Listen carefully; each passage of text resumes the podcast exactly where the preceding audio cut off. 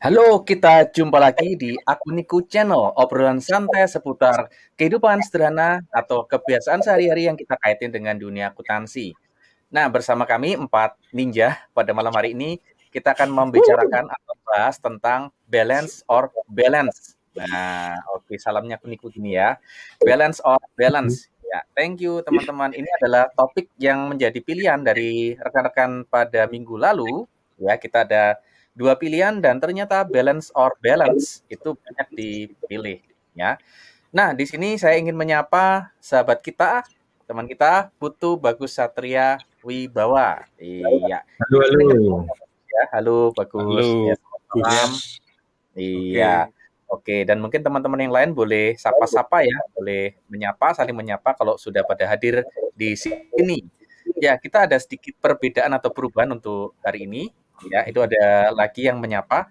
Untuk segmen satu kita akan langsung bicara ya dari apa ya dari teman-teman di sini kita akan ngobrol ngerumpi atau nongki gitu ya seputar balance Ya. or balance. Itu juga ada Teguh Indrawan ya. Selamat malam Teguh. Ya semoga dalam keadaan sehat baik. Terus kiri kuri Kiri, kiri. ini temannya kanan kuri ya. Cuma nyapa meo doang. Nah, oke, ya ini teman-teman kita sudah eh, ketemu di sini, ketemu di sini ya sehari-hari jarang ketemu, malah di online kita ketemunya tiap minggu sekali. Ya kita mau ngobrolin tentang balance or balance ya. Kalau dari aku sendiri sebenarnya balance or balance itu perbedaannya pada ini ya, pada kalau yang balance itu ada ed-nya. Artinya sesuatu yang kita upayakan untuk seimbang. Nah, kalau yang balance itu adalah sesuatu tentang keseimbangan. Nah, ini masih jadi pertanyaan sebenarnya. Apakah balance itu artinya kalau si A dapat 50, si B dapat 50? Apakah seperti itu? Gitu ya. Nah, apakah itu yang dimaksud dengan balance? Nah, teman-teman bagi yang mau mau komen-komen itu juga boleh ya komen-komen silahkan di komentar kayaknya ada Mas Adi bisa coba tampilin ya ada pertanyaan gitu ya untuk kita bahas Oke. ya. Apa sih menurut Jadi- kalian pendapat kalian tentang balance or balance? Ya mungkin bisa sama, bisa beda, whatever pengalaman pribadi. Oke deh, kita ngobrol-ngobrol dulu nih sama teman-teman kita gitu ya. Gimana bro, bro, Pak Oke. tentang Oh balance ya, aku mau balance? ini ini. Sebentar, aku mau Ya. ngasih tahu dulu. Jadi eh, si Aris itu udah bikin kemarin Instagram gitu ya. Ah, Nah, Wow. kalau mau tanya-tanya atau mau apa ya, tanya skripsi lah atau mau tanya apalah pokoknya bebas- Konsultasi. bebas kehidupan. Ya. Nah, betul. tanya Termasuk tentang siapa pun pantun boleh nggak? boleh Tips pantun boleh. Uh, uh, Gratis, Pak Adi. ya. Apa? Iya. Gratis nggak nih? Sudah. Oh, gratis ya, Oh, gratis. gratis. Tapi kalau mau Dijamin. kasih voucher, Nanti kita akan bahas ya Pak ya. Identitas dirahasiakan. identitas Iya. dirahasiakan. Boleh pakai voice note, boleh teks gitu ya. Nanti kita pakai nama bunga, kalau cowok kumbang Wow. gitu ya. Mas Bambang. Oke, gimana nih teman-teman gitu kan pengalamannya di sharing dong tentang apa sih bedanya balance sama balance Aku ya? Apakah balance, balance itu harus Iya. sama gitu kan? Seimbang kiri 50, kanan 50. Ini jadi inget jadi Hmm. inget ini ya jurnal ya. Wah, kalau saya tuh inget ini WAS-nya Pak Ponco ini. Gimana ini? Yang Aku juga WAS mau- biasanya Aku juga mau ngomong itu. persis di, di komen Mr. Limbo ini. Oke, Asik. bisa ditampilkan mungkin ya komennya Mr. Limbo itu. Aku itu dari apa ya? Dari SD, SMP, SMA belajar bahasa Inggris baru istilah balance and balance itu kayaknya jadi masalah waktu kuliah akuntansi itu gara-gara Pak Ponco kayaknya. Lah kan bener kan? Nah, betul ya. Sebelumnya Nah, nggak kita- kepikiran akhirnya, oh iya ya kenapa ya kok kok, iya, kok balance. BSC itu ya. Nah, itu Iya. gara-gara balance Betul. scorecard. Ya, kita sudah ada gurunya PSG di sini ya. Oke. Mungkin Pak Ponco mau ini ya kasih spoiler-spoiler dikit dulu Pak di awal Pak itu kan. Eh, saya ini kok merenungkan bahwa sebetulnya kalau kita eh, ini di dalam kehidupan itu kita itu selalu cenderung melihat dua sisi. Yang normalnya itu kalau kok ini boleh berbeda ini ya kesan, tapi kalau kesan saya Tuhan memberikan kepada kita dalam kehidupan itu mestinya itu balance gitu loh. Balance Hmm. misalkan contohnya ada terang, ada gelap kan gitu Iya. ya. Terus ada suka, ada duka kan gitu. Nah, Yin and yang ya, semuanya. Ya, terus ya ada versi Chinese, ada Yin dan Yang gitu ya. Yang semuanya itu eh, menjadi sebuah hal yang kita terima dan ya kita melihatnya itu memang ya balance gitu. Hmm. Nah, saya dulu awalnya ini ini dari cerita eh, sebelum ngerti accounting, ya. kan awalnya juga melihat macam-macam itu.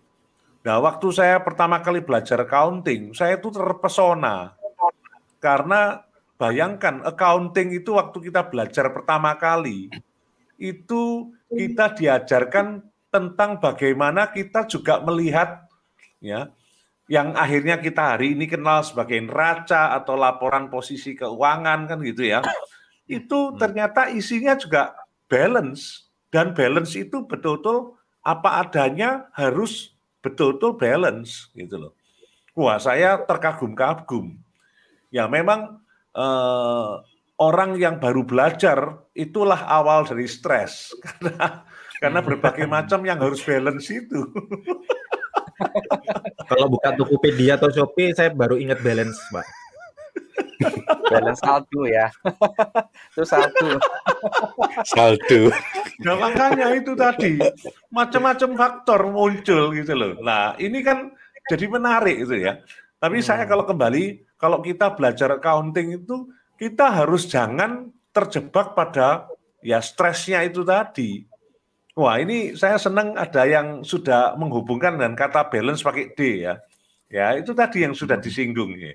Tapi kita saya kok mulai dulu dengan cerita arti balance itu tadi yang semuanya harus tertantang untuk bagaimana kita melihat balance itu ya karena sudah given ya, eh, kondisinya harus balance ya harus dibuat balance betul gitu itu eh, cerita gambarannya saya nggak tahu Eh, Iya. waktu belajar tentang kata-kata balance sheet itu waktu dulu itu bagaimana masing-masing rekan-rekan ini Nah, Aris, Aris, Aris yang mungkin masih Aris ingat lah. Iya. masih, masih fresh ya, Riz? Masih fresh. berapa tahun? Kalau ya memang awal-awal pasti balance eh, balance sheet ya neraca yang dipelajari. Cuman saya kok lebih tertarik membahas gini Pak dari aspek kehidupan ya. Banyak orang yang merasa hidup ini tidak adil. Nah, banyak kan yang merasa seperti itu. Saya sudah berjuang kok masih belum kelihatan titik suksesnya dan sebagainya. Nah ini kira-kira gimana nih menyikapi ini Pak Pon?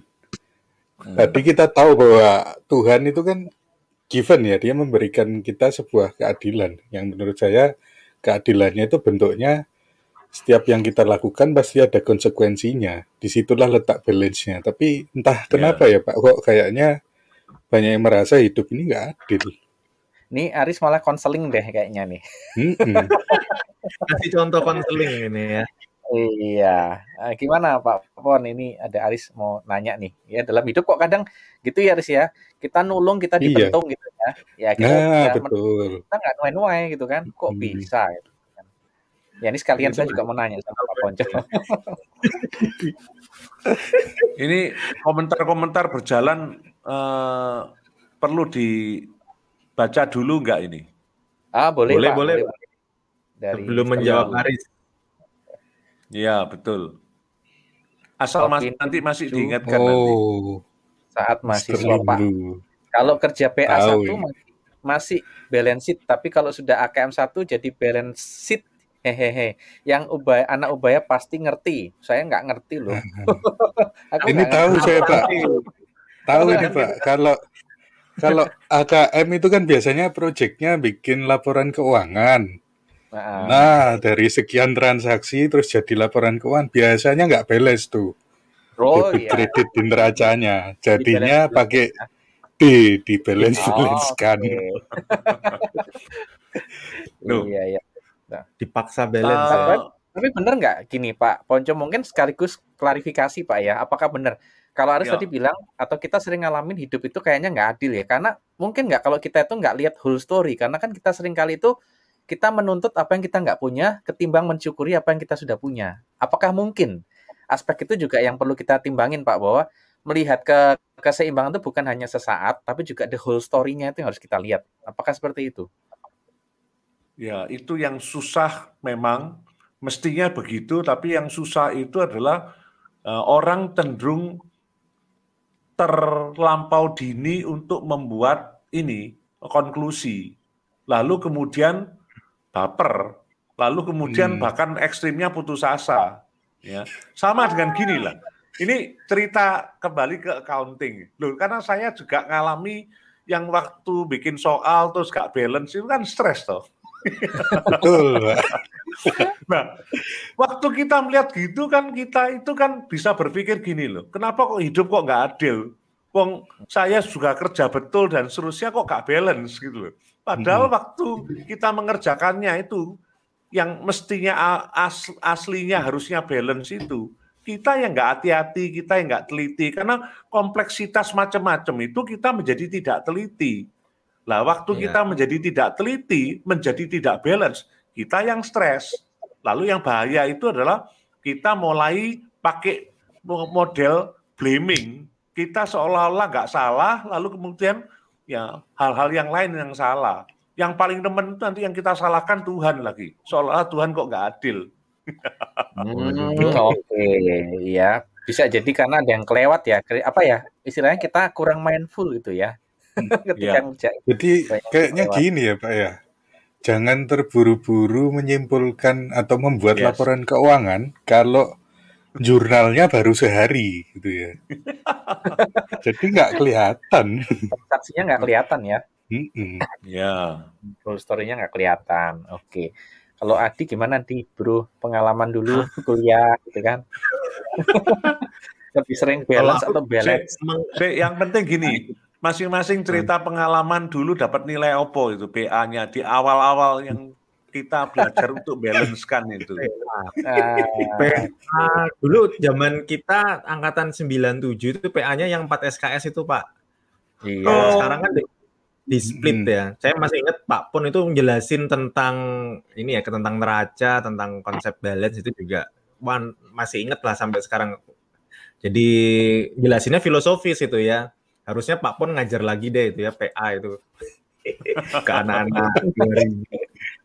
Tapi gini, Iya, gini. karena- eh, hah?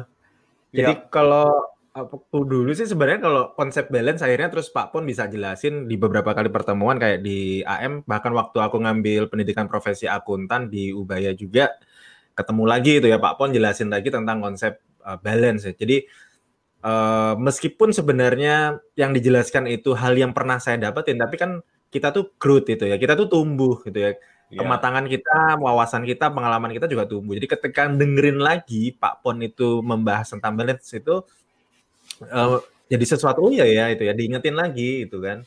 Dan memang iya benar sih. Jadi kalau di kehidupanku sebenarnya apa ya ya banyak hal ya waktu jadi mahasiswa kita tuh harus balance dalam aktivitas nggak harus nggak cuman belajar apa ya di kuliah Betul. eh, belajar aja tapi juga ada kegiatan sebagai aktivis itu ya justru aku masih ingat ya justru yang menarik aku ke dunia organisasi ormawa itu justru Boni gitu kan justru di daripada Oh, gitu. nganggur lo ikut dulu ikut opus Daripada ya. nganggur. Nganggur. daripada gak jelas itu kan Ya, kupu-kupu, betul. kuliah pulang kuliah Daripada pulang wasting time. Nah, Opus itu sendiri ternyata juga baru tahu kalau itu lahir dari tangannya Pak Pon juga. Jadi, wah banyak lah pokoknya kehidupan itu harus balance itu ya itu tadi ngerasain ya. Kalau kita cuma satu kegiatan mono activity ya nggak nggak terlalu ngerasain ya. Itu mungkin Ya. ya kalau dari aku konsep Betul. balance itu kayak gitu.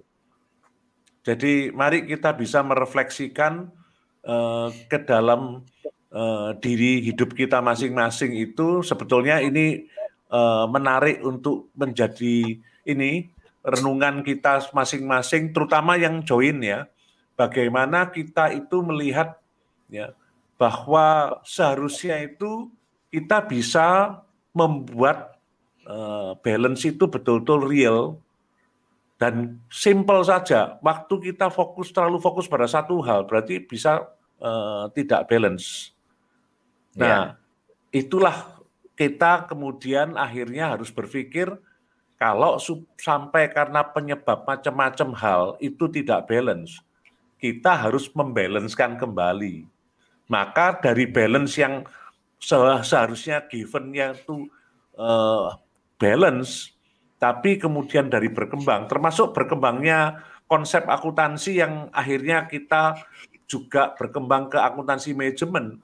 Nah, ternyata kalau di dalam hal manajemen itu, itu situasi balance itu memang uh, sebuah hal yang sulit karena itu akhirnya kemudian muncul yang namanya dibalanskan dengan nama yang namanya kita kenal sekarang itu balance scorecard kan gitu. Nah ini iya. komentar beberapa komentar. Tadi saya lihat ada Iwan ya. Iwan itu komentarnya dalam sekali itu tadi. Ivan ya. Ivan. Ivan, Ivan, Ivan. Sorry, kok Iwan. ya, ya, uh, uh, ya, Ivan. Ini ini sering kali dulu waktu di kelas tuh bisa komentar komentar yang dalam juga ini. Nah ini natural dengan artificial, keren ini. Nah kita harus sadar uh, bahwa hari-hari ini sebagian itu tidak bisa natural semua, kemudian jadi artificial dan kita hidup di dalam situasi itu, tapi hati-hati jangan sampai yang artificial itu mendominasi. Kita harus kembali pada hal-hal yang natural. Karena teknologi menyebabkan semuanya jadi artificial ini. Saya minta hmm, komentar juga ini. Iya, oke. Okay. Siapa nih? Aku ya, coba komen ya. Iya, iya. komen. Ini ada dua yang ingin aku share ke teman-teman di sini ya. Yang pertama itu tentang tadi yang pertama ada pertanyaan sih dari Limbo itu ya, tapi yang aku pengen sharing dulu tentang buku sih, buku yang cukup menginspirasi diriku sebenarnya. Jadi kalau uh, Mas Adi tadi ngomong harusnya apa ya hal-hal yang sifatnya filosofis itu sering diingetin ke mahasiswa, termasuk aku yes. sebenarnya gitu kan kayaknya sudah hilang arah gitu ya, hilang arah berpuluh-puluh tahun sehingga ingat kembali apa yang disampaikan di PA dulu sama Pak Poco tentang hal filosofis. Akhirnya aku nemuin buku yang judulnya Particularis The Computis Ex Scripturis. Nah, oh, wow, wow, apa itu, Pak? Itu buku dasarnya, buku karena dasarnya akuntansi itu. Sambil ngerpek yes. guys itu. itu buku tahun 1490 gitu yang ditulis oleh si Luca Pacioli. Jadi Luca Pacioli itu sebenarnya uh, dia juga sempat membahas itu kan kenapa sih ada T account dan kenapa debit duluan kredit yang berikutnya. Nah ini banyak orang yeah. yang sampai sudah usia mungkin sudah seusia saya gitu kan tapi masih nggak sadar. Oh iya ya kenapa sih harus namanya debit? Apa artinya? Dan kenapa debit duluan? Kenapa nggak kredit duluan yang aku isi? Ternyata ahli bahasa oh itu ada yang teliti. Ternyata arti dari debit itu adalah Ntar, ngerpek dulu. Wah, D dari. Bacanya bukan yeah. der, kalau der bahasa Inggris ya dari kayaknya. Nah, kalau kredit hmm. itu adalah uh, avre. Nah, di mana hmm. artinya kalau dari itu adalah give, shall give, memberi. Hmm. Nah, kalau yang uh, kredit itu adalah shall receive. Jadi artinya kehidupan itu akan selalu balance di mana ketika kita memberi kita pasti akan menuai dan itu hukum alam sebenarnya Siapa yang menabur ya. dia akan menuai, menuai dan itulah keseimbangan versi yang given menurut Pak Ponco tadi ya dari konsepnya ya. count. Itu banyak yang nggak ngerti gitu kan dan ternyata hmm. membuka buku itu lagi membuat saya ngerasa mohon maaf saya merasa bodoh banget gitu ya. Sekian lama saya kuliah sampai S3 tapi saya nggak ada apa-apanya gitu. Yeah. Kalau itu wow. nggak ngerti punya accounting gitu. Oke, dan, terus yang kedua dan dari bacaan Ibu, itu baru kita baca lagi waktu ada seorang mahasiswa S2 yang pingin uh, untuk mendalami itu kan sebetulnya nah, jadi menarik. Iya, kita kita sih thanks banget ya buat yang nemuin buku itu itu ya. Oke, terus dari Limbo tadi ditanya nih, kayaknya Ari sama aku ya ditanya ya. Nah, kalau tiap yes. hari adalah hari baru, terus kapan? Nah, ini sambil saya baca ya. Kapan saya uh, saat yang tepat untuk tutup buku nih untuk merekap jurnal kita, Pak? Nah, tutup buku itu kita nggak pernah tahu ya. Bisa malam ini, bisa besok, tahun depan, 10 tahun, 50 tahun lagi gitu kan. Nah, kalau buat aku pribadi sih prinsip aku mencoba untuk melihat prinsipnya orang Jepang ya bahwa bekerjalah sebaik mungkin hari ini seolah nggak ada hari esok. Nah itu aja sih yang Mhm. aku coba pegang ya. Jadi apa pun yang terjadi kita harus belajar untuk accept ya, menerima karena itu sebenarnya adalah buah dari apa yang pernah kita lakuin di masa lampau atau mungkin orang tua kita atau siapa pun itu. Karena hidup akan selalu seimbang ketika kita menabur kita menuai. Ya itu dulu sih Mhm. yang mungkin bisa aku sharing ya sedo dulu. terkesima lo ya. Komentar lo ya. Terkesima. ya. Lebih tepatnya bingung nyiapin jawaban, Pak. Dari Limbo. Ini ini pertanyaan menarik nih, kritis banget nih. Kapan Malam tutup buku merekap jurnal kita? Ya kalau dari saya eh, tutup buku ini definisinya apa? Apakah kemudian kita meninggal dan berakhir semuanya kehidupan kita? Atau memang tutup buku hanya sekedar untuk kita cross check Rekonsiliasi. progres kita sudah sampai mana. Nah, saya rasa jangan terlalu buru-buru karena tadi saya sudah sempat state kalau menurut saya balance yang sebenarnya ya kita melakukan sesuatu pasti ada konsekuensinya, ada dampaknya. Jadi itu sudah pasti hakikatnya balance. Nah, tinggal tutup bukunya kapan ya? Ini kita ekstrimnya nggak bisa lah tutup buku harian. Jadi hari ini kita melakukan apa? Misalkan workout gitu ya, latihan di gym. Ya nggak bisa kita hari ini malam ini juga setelah workout bercermin, kemudian wah seolah-olah perkasa, nggak akan bisa. Artinya memang eh, butuh waktu. Saya jadi ingat sebuah lagu, cuman mungkin isinya berbeda, tapi judulnya ini sangat menarik. Dari Pak Ponco ini saya tahunya. Judulnya Life Itself Will Let You Know. Oh, Jadi life eh, itself will let ya you life know. itself, Oh, hidup itu kapan-kapan sendiri ini. Mm-mm. Ya. hidup ini yang akan memberitahu jawaban kita. Jadi ya setuju juga sama Pak Boni, do your best selama kita hidup. Karena dampak yang kita lakukan itu ke semesta. Nggak cuman ke diri kita, mungkin ke sekitar. Ya siapa nyangka hari ini kita bantu orang lain, suatu saat bantuan itu datang bukan dari orang itu, tapi dari temennya orang yang kita bantu. Artinya ya itulah hukum tabur tuai. Wah, Itu yang ini kayaknya kita kayaknya aku jadi jadi ingat film Itaewon Class ya dia. jadi ingat Korean drama Apa? ya. Oh iya iya iya iya. Sama ini sih, eh, isu terkait work-life balance ini gimana menurut bapak-bapak nih? Kalau sekarang lagi rame tuh work-life balance, work-life balance, yang hidup dan bekerja harus Iya, seimbang. iya, iya. Kenyataan itu kan sulit sekali dicapai. Eh Mhm. bukankah kehidu- ke pekerjaan itu juga bagian kehidupan ya? Itu juga Iya. aku rada Nah. bingung sih dengan istilah itu agak aneh mestinya gitu ya. Kalau work dengan non work balance, nah mungkin masuk sih. Kalau work sama life karena work itu bagian dari life, ya itu memang apa ya Hmm. uh, kata-kata yang sudah di masyarakat ya seperti itu ya persepsinya. Jadi bagaimana sih life itu adalah sesuatu yang bukan pekerjaan. Ya kalau kalau menurutku sih eh, aku sih Ya. lebih dengan life harmony sih sebenarnya daripada balance ya. Betul. Karena apa dalam pekerjaan pun aku mikirin rumah, dalam dalam rumah pun aku juga pasti mikirin kerjaan. Nah, gitu kan. Jadi Manunggaling. lebur sih kalau aku sih begitu. Nggak tahu kalau teman-teman lain gimana. Ya, setuju. Karena ya balik lagi itu kan eh, itu karena situasi yang menyebabkan orang itu tanpa sadar dia menjadi workaholic, kan gitu.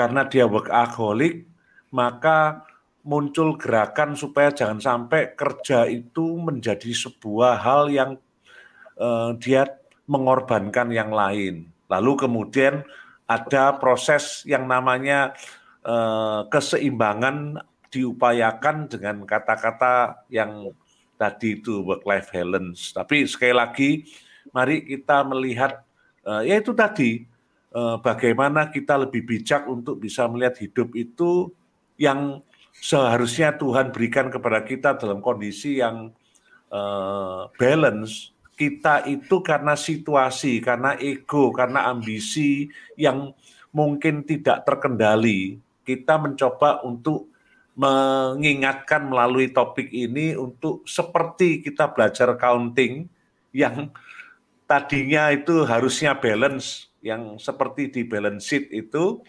lalu kita itu kok debule kok gak balance. Nah, kita cari bagaimana supaya lebih balance. Nah, proses itu kemudian akhirnya ya sepertinya bergeser seolah-olah karena kita itu kalau saya bicara tentang apalagi dihubungkan dengan ilmu sosial, ilmu sosial itu kan sulit sekali dalam seperti uh, deterministik balance-nya.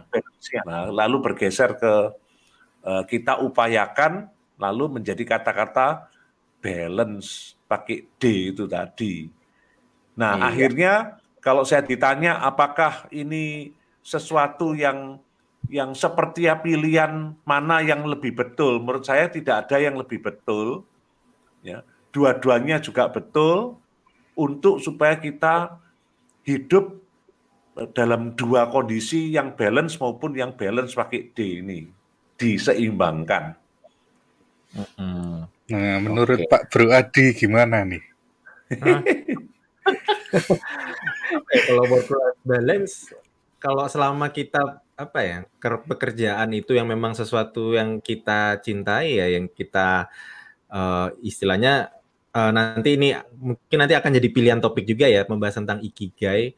Uh, ah. Kalau buat aku sih apa ya kalau kalau memang pekerjaan ini adalah sebuah pilihan itu ya atau aktivitas atau apa pun ya hobi itu menjadi pilihan dan hmm. itu align dengan yang jalan menuju kebahagiaan kita aku rasa sih apa ya nggak usah di ya itu sebuah keseimbangan sendiri ya jadi artinya gini menyeimbangkan antara needs ya kebutuhan kita juga harus realistis tuh ya bahwa kita bekerja itu untuk menghidupi keluarga kita, membantu saudara kita, tetapi pada saat ada hal lain kita juga harus punya me time sendiri itu kan.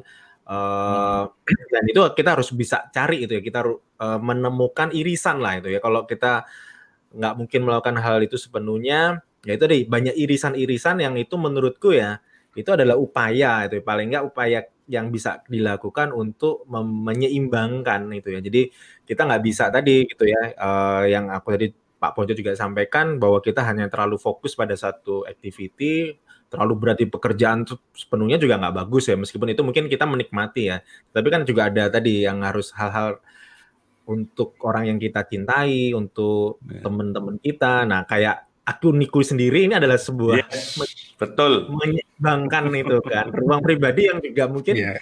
buat ya aku ya ini penting itu ya harus ada aku Niku gitu kan kalau di kelas saja mungkin nggak cukup gitu kan gitu. Hmm.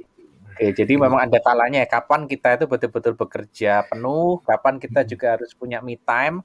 Nah, kalau yang hari ini aku Niku ini sebenarnya kerja atau bukan ya? Quality time, Mbak. Quality time ya. Kita nganggap ini bukan kerja kita ya. Kita cangkruan online. Uh, uh, cangkruan, ya. berbagi gitu kan. Iya. Oke. Jadi kayaknya lebih ke kualitas ya, Pak ya. Hmm? Jadi lebih ngutamain kualitas ya. untuk menyeimbangkan segala aspek dalam hidup ini, ya. bukan masalah kuantitasnya.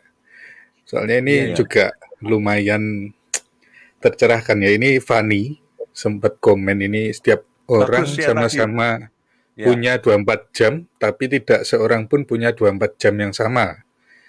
Dengan 24 jam itulah prioritaslah yang bermain sehingga sering kali hal itu membuat konsep balance dalam setiap aspek kehidupan jadi rumit. Ini dalam ini, ini dalam jadi, betul ini. Aku, aku suka saya suka dengan dengan komen. Iya, jadi aspek balancing ini kayaknya bukan masalah waktu ya. Jadi lebih ke bagaimana uh, kualitas kita ya. kita prioritaskan pada setiap aspek. Ya. Misal saya sendiri juga ngalamin uh, eh, work life balance nggak teratur ya beberapa tahun lalu. Kan saya juga dipercaya jadi pejabat struktural lah di kemahasiswaan. Sempat tuh tengkar ya. sama pacar masalah nggak ada waktu untuk ketemuan tapi lately ternyata teratasi dengan cara apa? Ya menaruh perhatian lebih bukan dalam bentuk tatap muka fisik tapi keep up terus lewat chatting dan sebagainya. Hmm, jadi okay. bisa balance pakai D jadinya. Di balancein ya dibalancekan iya. Oke. Jadi kalau pas aku nggak bisa, aku kok telepon Aris, Aris nggak bisa tuh lagi telepon Hani gitu ya, Hani Haninya. Wow. Oke. Itu nanti ada komen yang bagus ya Bro Adi ya dari Ya. W WRBG, tahunya RGB sih kalau aku ya, RBG. Nah, ini benar Ya. banget nih aku setuju banget ya bahwa kita Bagus. itu hidup kita hidup itu bukan ini bukan surga guys gitu ya. Jadi yuk bangun. Ya setuju karena kita pun hidup ini di tubuh yang sudah sifatnya material. Kita harus mikirin materi, nggak bisa bohong gitu kan. Ya, kita nggak bisa hanya fokus di satu spiritual aja, tapi material pun juga harus kita pikirin gitu ya. Itu itu statement yang bagus banget. Itu selamat malam ada teman kita satu lagi, Feby, Feby Roselin. Waduh ternyata masih setia nyimak ya, Feb ya. Eh, aku baca ya Hmm. guys. Tuhan menciptakan bumi secara balance, namun Tuhan juga mengupayakan untuk membalanskan, membalanskan ciptaannya ketika kehidupan manusia sudah tak balance. Nah, oke ini menarik nih. Mungkin Pak Ponco bisa kasih komen-komen dari perspektif yang lebih, lebih dalam itu. Ini ini eh, perspektif yang sedikit berbeda tapi ya eh, mengena juga. Jadi pada waktu manusia itu eh, kebablasan dan sebagainya, Tuhan itu bisa membuat intervensi, mengizinkan sesuatu yang akhirnya itu ya manusia itu dipaksa untuk membuat eh, kondisi yang akhirnya menerima seperti yang seharusnya yaitu kembali pada yang balance. Contoh kalau saya renungkan ya sekarang ini pada waktu manusia itu begitu eh, jauh dari rumah misalkan karena begitu banyak activity ya sekarang akhirnya lebih banyak di rumah. Iya Iya, iya iya iya. iya benar benar. Ya situasi Ya. ini kayaknya memang ya upaya ya kalau kita menyikapinya kan bisa macam-macam ya. Kalau aku lihat sih memang bumi ini harus sedang proses di balancing lagi gitu kan. Ya kan kita bisa lihat cuaca juga mungkin ya meskipun beberapa ada cuaca ekstrim tapi itu kalau kita lihat sih proses ya. Tadi hukum tabur tua itu aku senang banget tadi ada yang komen itu ya. Eh, ini semua ya proses ya. Bagaimana Tuhan sedang mengintervensi dunia itu. Ya. Gitu. Eh, saya melihat ya komentar dari rekan-rekan itu dalam-dalam sekali. Apalagi Hmm. ada beberapa yang sempat nyentil, misalkan saya pernah ngomong sesuatu di kelas misalkan, ternyata diingat itu waduh. Iya ya, saya sudah sepertinya lupa tapi eh, ternyata ad- ada yang betul-betul merasakan ya menurut saya kalau diungkapkan begini itu ya macam-macam Ya. hal itu membuat kita bisa ya membalanskan lagi. Iya, saya jadi Iya, ini Wow. bapak-bapak. Ini selamat Apa? datang Aditya ini karena eh, beberapa hari yang lalu personally nelpon saya karena dia ternyata baru tahu tentang akuniku. Lagi di Solo dia ini. Oke, Aditya. Sedikit kembali Pak ke stres tadi ya Pak ya. Yo. Work life yang mungkin terasa nggak seimbang membuat stres. Saya ini termasuk yang mengamati. Saya lihat pakai role modelnya Pak Adi Cipta aja deh. Hmm. Pak Adi ini kan eh, artis artis kondang di dunia board game. Ah, ya, ya, ya. Eh, juga juga rasanya Apa di kampus pun itu ngajar ya tetap jalan eh, sebagai kalap administrasi ya jalan kok rasanya hidupnya happy happy aja gitu loh. Yes. jangan-jangan nih kuncinya. Kuncinya.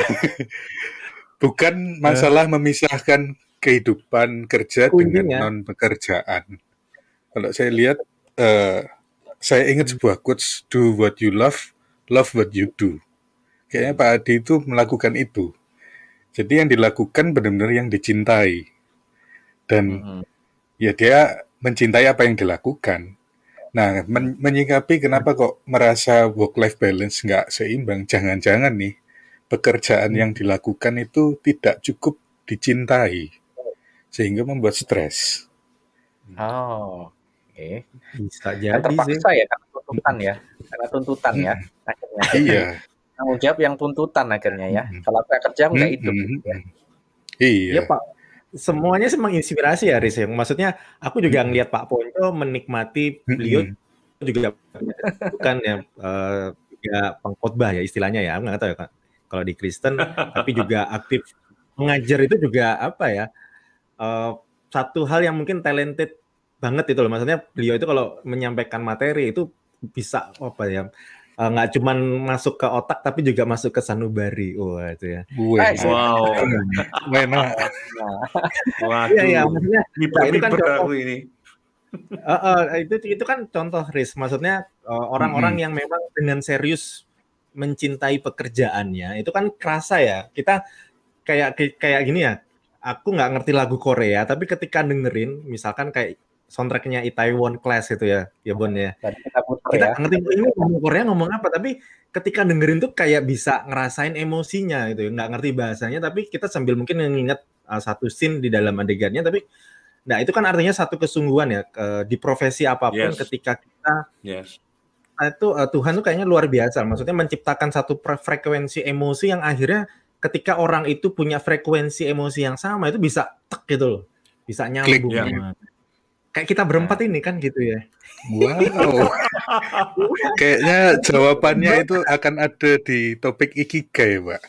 Ah, ini di spoiler terus kayaknya ya. Spoiler ya. Terus. Anu ini Menggiring opini ini. Ya, Eh, iya. iya. Tapi Ini, memang ada kaitannya betul. Hmm? Nah, Iya, antara balance sama ikigai. Mm-mm. saya Gimana, ini eh, Gimana, enggak, saya ini kok eh, tadi kebetulan waktu ngajar itu saya banyak menggunakan kata-kata akal budi dan hati nurani. Dan saya pikir andaikan manusia itu mengaktifasi yang Tuhan berikan di dalam diri kita, bahwa kita itu eh, eh, mendapatkan kelebihan sebagai karunia itu adalah akal budi dan hati nurani. Maka otomatis kita itu bisa merasakan semuanya itu lebih terasa bahwa eh, ternyata betapa indahnya sesuatu yang balance walaupun mungkin situasinya pada waktu berjalan tuh kelihatan kok nggak kok nggak kok begini ya dan seterusnya. Tapi at the end kita bisa juga membalancekannya juga menjadi sebuah keindahan. Ya. Hmm, hmm, hmm. Saya jadi teringat kata-kata yang eh, tadi ada quotes itu.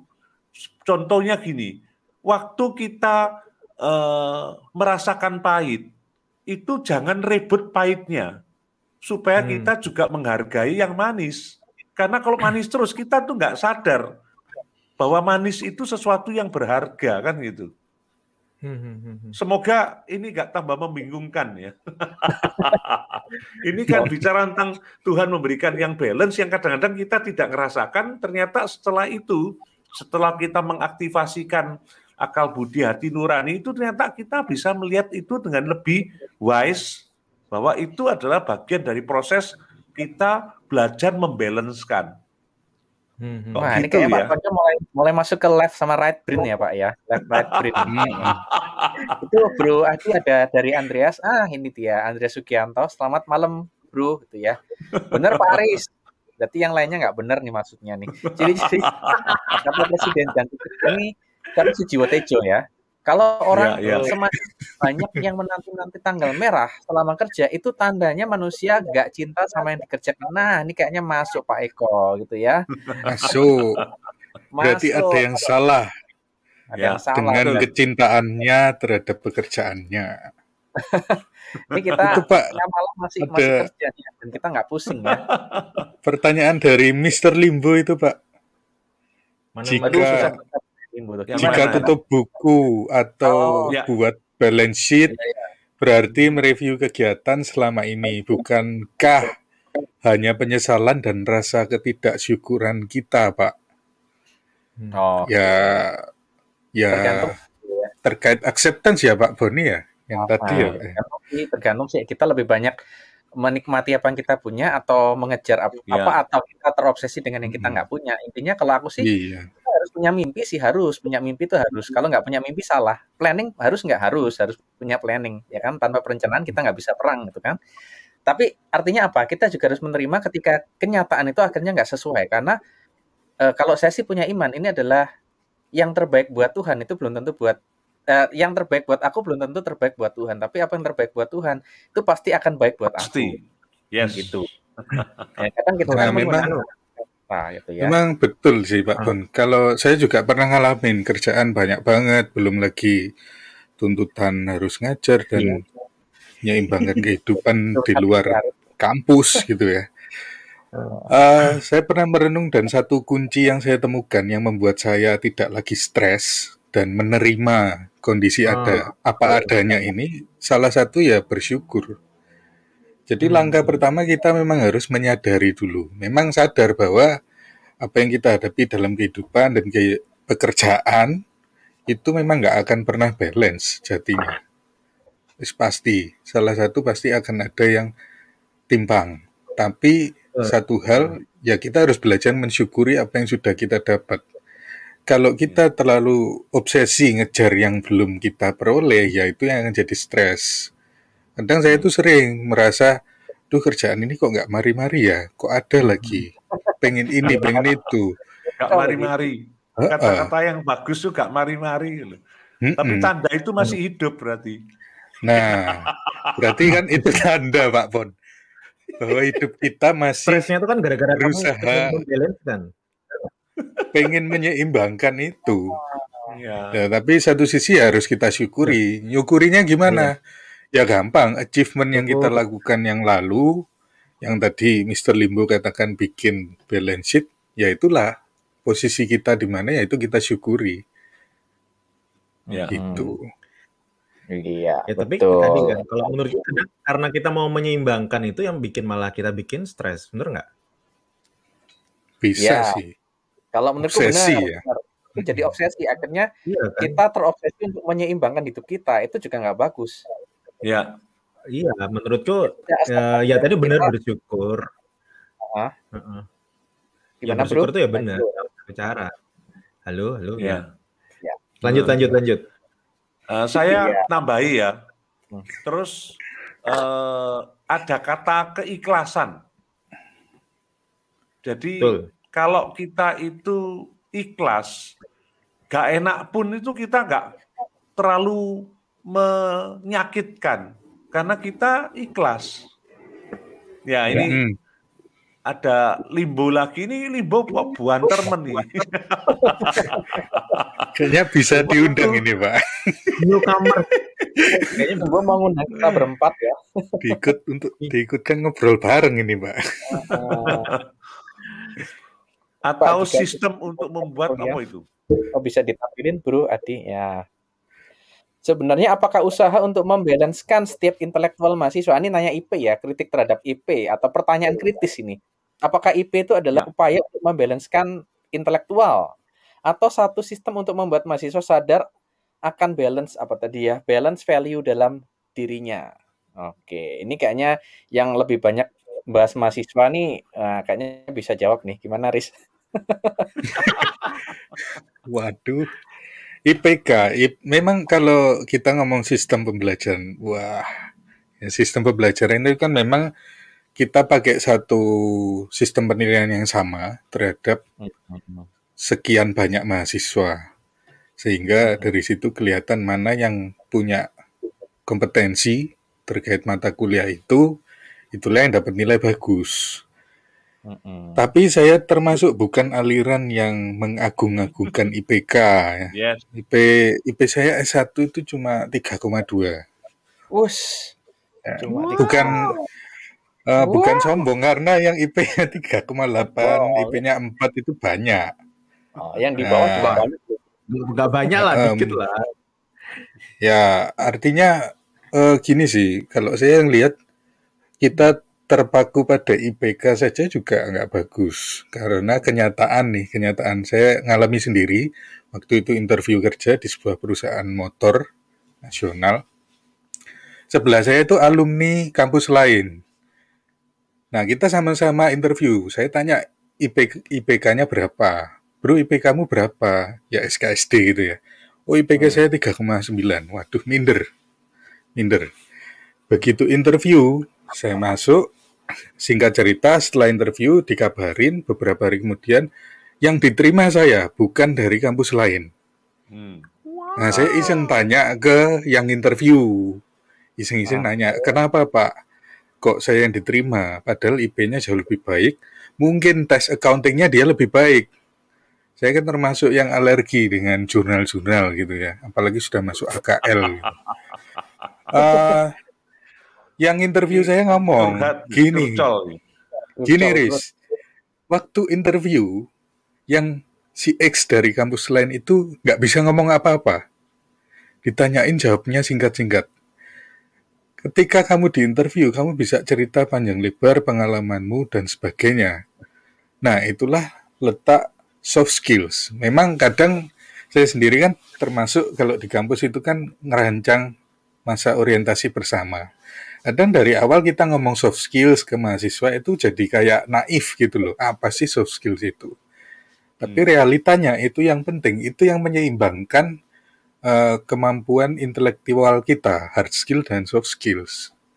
Jadi kita nggak bisa rely on IPK saja. Jadi saat itu saya punya prinsip yang akhirnya saya bawa di kelas. Jadi percuma kamu ngejar IPK, tapi kalau soft skillsmu nggak bagus. Percuma kamu cerdas, tapi kalau nggak bisa ngomong. Hmm.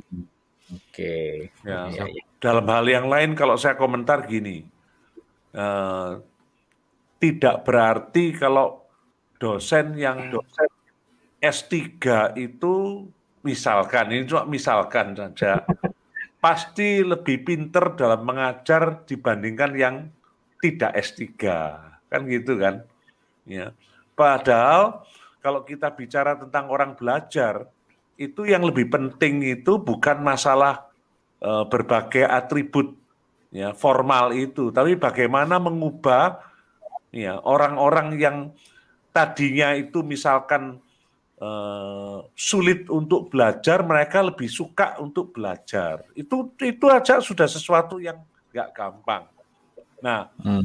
eh, dengan kita bisa melihat eh, hal-hal yang lebih balance itu tadi, kita tidak lagi eh, terjebak pada eh, ini apa eh, penilaian judgement seolah-olah itu ya, yang satu lebih daripada yang lain karena satu aspek tersebut. Nah, dengan Iya. demikian kita bisa belajar lebih wise lah. Iya, oke sih Pak. Wesia Saya. Dari dari Pak Ponco tuh saya sebenarnya kurang setuju, tapi saya setuju sekali, Pak. Bahwa emang harus balance ya. Antara Iso soft skill, hard skill tuh Sampai- memang harus. Sampai Nggak dek aku sampai aneh. Enggak lah, Pak kan kenal saya itu. jadi jadi nggak mungkin kalau IP saja yang jadi pertimbangan pemberi kerja yang cerdas pasti akan melihat aspek lain, nggak cuma IP. Bahkan sekelas Google pun mereka sudah mulai menganggap Iya. IP itu bukan yang utama. Bayangin tuh itu kan. Kalau kita terjebak ngejar IP, apa pun caranya, sementara soft skill kita buruk banget, kita nggak akan survive. Percayalah, nggak mungkin survive di dunia kerja. Mm-mm. Betul. Oke. Nah, ini dari Nah, ini Dan kita ini Aditya Gunawan. wah, kita kita ini bukan termasuk IP yang empat empat semua toh. Kita nggak makan buku soalnya, Pak. Hampir ya, Pak. iya, Ini, ini, bisa dibaca ini Aditya ini keren ini. pengalaman Iya. pribadi ya betul. Saya beli sistem malah ngerutu sendiri dari dalam hati. Halo, Waduh, ini Akbar, nih dari Nah, ini gimana? jawabannya tiga. Oh, jawabannya tiga SKS ya. ini sistem informasi akuntansi ini. Tanya Sistem informasi kehidupan. Nah, ah. Oke, Di mungkin mau survei sekarang Di. Gimana? Oh iya. Oke, Betul. survei, survei sebentar ya teman-teman. Saya Thank akan you ini banyak survei. yang eh, Kak Hari Iya, ini iya. betul-betul komentarnya keren-keren ini. Bagus sekali. Oke, Kualitas. untuk topik minggu depan teman-teman silakan komentar pilih mana topik minggu depan ikigai atau aset. Ya, ada ikigai, ada ikugai. ikigai ya atau aset. Oke, opo. Ikigai. Oke, opo, bro. Ikigai. Gai. Ah, Kalau- yang kepo ini mestinya yang lagi rame ini ya pasti ikigai. Ah, Waduh. Oke. Kayaknya Adi jadi objek nanti ya. Objek, objek untuk ini. Wah, Ikigai Iya, dua itu suara nih. Aiha, Aiha, Aiha. Yang mau Aiha. Apa dengan Aiha? accounting ini apa adalah, itu Aiha? itu adalah prequel. Wah, prequelnya Aiha. Banyak yang Aiha ya. Dibahas di Ya. Aiha ah, saja Pak. Oh, beda. Kayaknya beda yang dibahas ya. Jadi Wih, Ikigai. Wih, wih, wih. semua. Oh, Ikigai biasa dibahas ya Aiha. Wih, wih, wih, wih. Yang tertarik sama Oh, orang-orang. Yogi. Halo Yogi. Oh, Yogi baru masuk ini. Keren Iya. ini. Udah tutup toko ya Yogi ya. Malam-malam nih, Eh. udah malam. Thank you Yogi. Aset, milih aset, ayo. Lah, Ikigai semua. Tuh ada itu, Bimbo pilih dua-duanya. Dosen spesialis Oke, mungkin keuangan. bisa langsung Ya. Ikigai atau aset tidak Wow. masalah, Pak. Mantap. Dosen spesialis keuangan kita bisa didengar dua sisi. Oh, waduh. Pak Ponco dulu Wow. ngajarnya finance accounting loh. Ini banyak yang nggak tahu ya. Pak Ponco itu basicnya finance mestinya. Iya. Banyak yang nggak tahu wujud aslinya Pak Ponco ini. Tahu Heeh. aslinya ya. Oh ada Yan tuh. Halo Yan. Kita lama nggak ketemu ya. Yan Ikigai Ya. milih. Oh. Eh, apakah Yan sudah menemukan Oh. Ikigainya? Eh. Halo.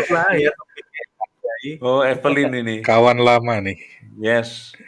Eh, Iya. iya. Oke. Oke kayaknya maksudnya- langsung aja ya.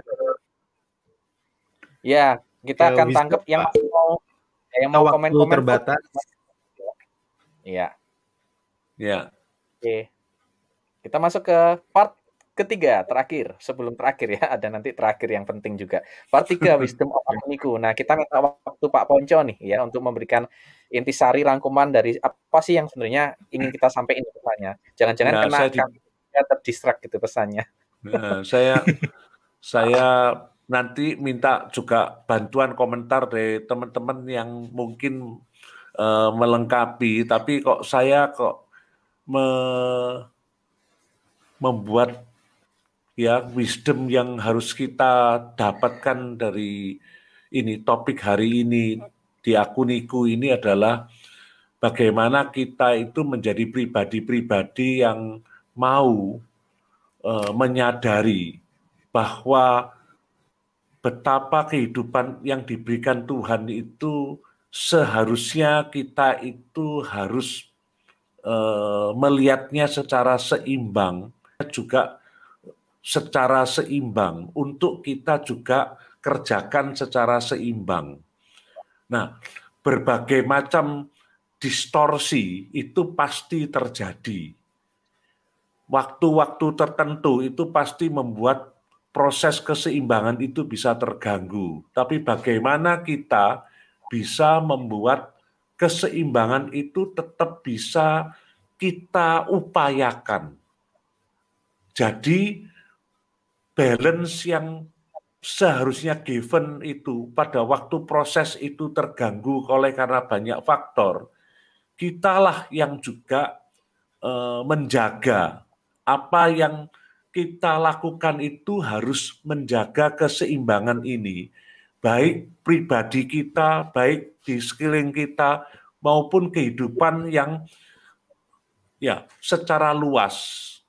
Itu sangat sangatlah penting. Dan kalau saya membayangkan kalau kita semua bisa melakukan hal itu, ya walaupun ini cuma saya jadi teringat lagu Imagine, ya Imagine dalam berbagai macam hal. Ya, saya berharap ya ini menjadi sebuah hal yang eh, kita bisa harapkan terjadi sehingga manusia itu tidak lagi saling menyakiti, tidak ya kalau terjadi konflik itu memang bagian dari hidup yang seimbang untuk kita bisa eh, merasakan betapa pentingnya harmoni dan seterusnya. Dan itulah keindahan yang bisa kita eh, lihat, kita rasakan, tapi juga kita bisa kerjakan, kita upayakan.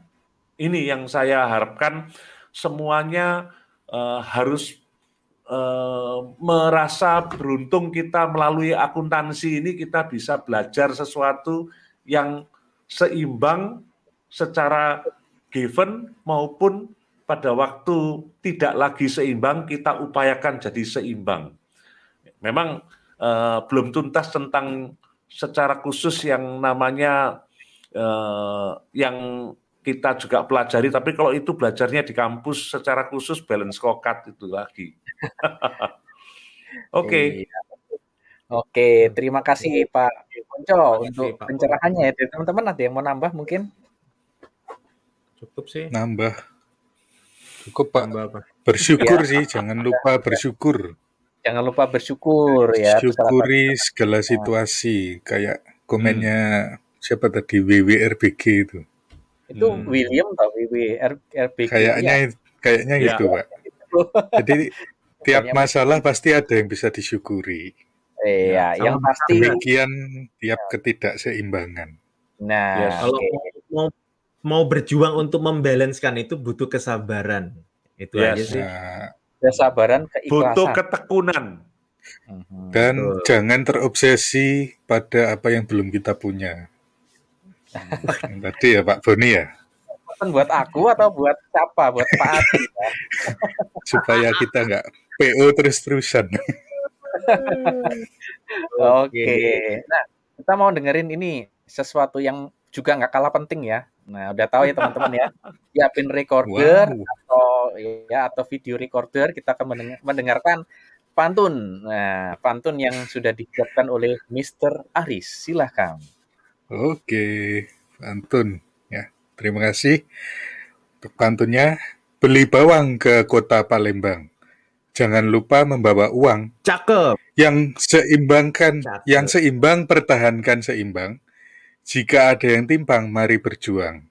Iya. Terima kasih. Keren. Oke ya. Oke, dengan yes. demikian dengan berakhirnya pantun itu ya dari Mr. Aris. Kita juga sudah di penghujung acara. Jangan lupa teman-teman setiap Rabu ya simak kami di akun Niku Channel. Kami akan selalu hadir dengan setia. Mudah-mudahan selalu bisa berempat gitu ya untuk menghibur sekaligus me, apa ya sharing ya. Bukan hanya menghibur Iya. sebenarnya tapi sharing. Kita pengen sharing bahwa akuntansi itu sesuatu yang gampang mestinya ya. Kalau memang kita itu mau belajar terus kita juga mau memahami filosofinya sebenarnya akuntansi itu sesuatu yang sangat-sangat menarik buat kehidupan kita. Oke, dari teman yang lain mungkin ada yang mau nambahin sesuatu sebelum kita close ini Kalau pesan pesan.